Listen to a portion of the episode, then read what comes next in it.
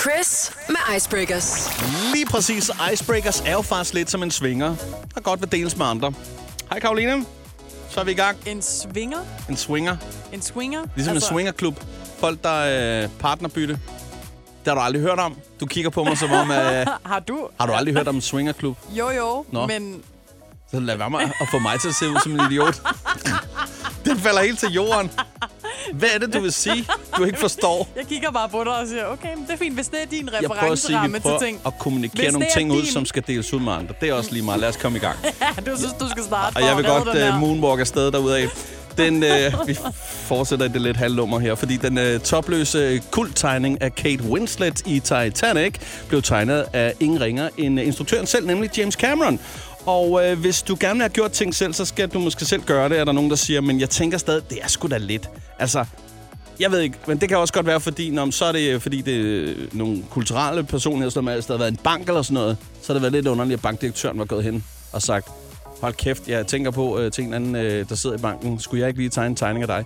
Men Jeg synes bare, Jeg forstår er det ikke lidt simpelthen, lummert? at han selv har tegnet tegningen. Har han ikke bare tegnet den af fri fortolkning? Jo, men det var jo et billede i forvejen, så vidt jeg ved, som så han bare synes, jeg skulle... Jeg ved det ikke.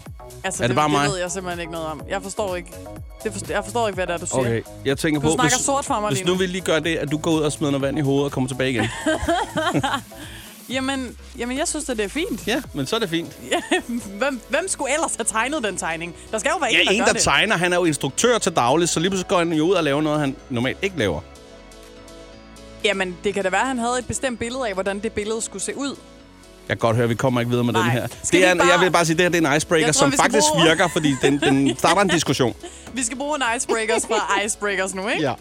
Okay, jamen, øh, udover at det her jo er sådan lidt øh, en mærkelig stemning, så kan jeg fortælle dig, at øh, den kedeligste dag i hele verden Åh. oh. nogensinde, det var den 11. april 1954. Fortæl mere. Og hvordan man finder ud af, hvad der er den kedeligste dag, jamen det er der åbenbart en eller anden computer, der engang har kunne regne ud. Fordi der skete simpelthen ikke en skid nogen steder på hele jordkloden den dag.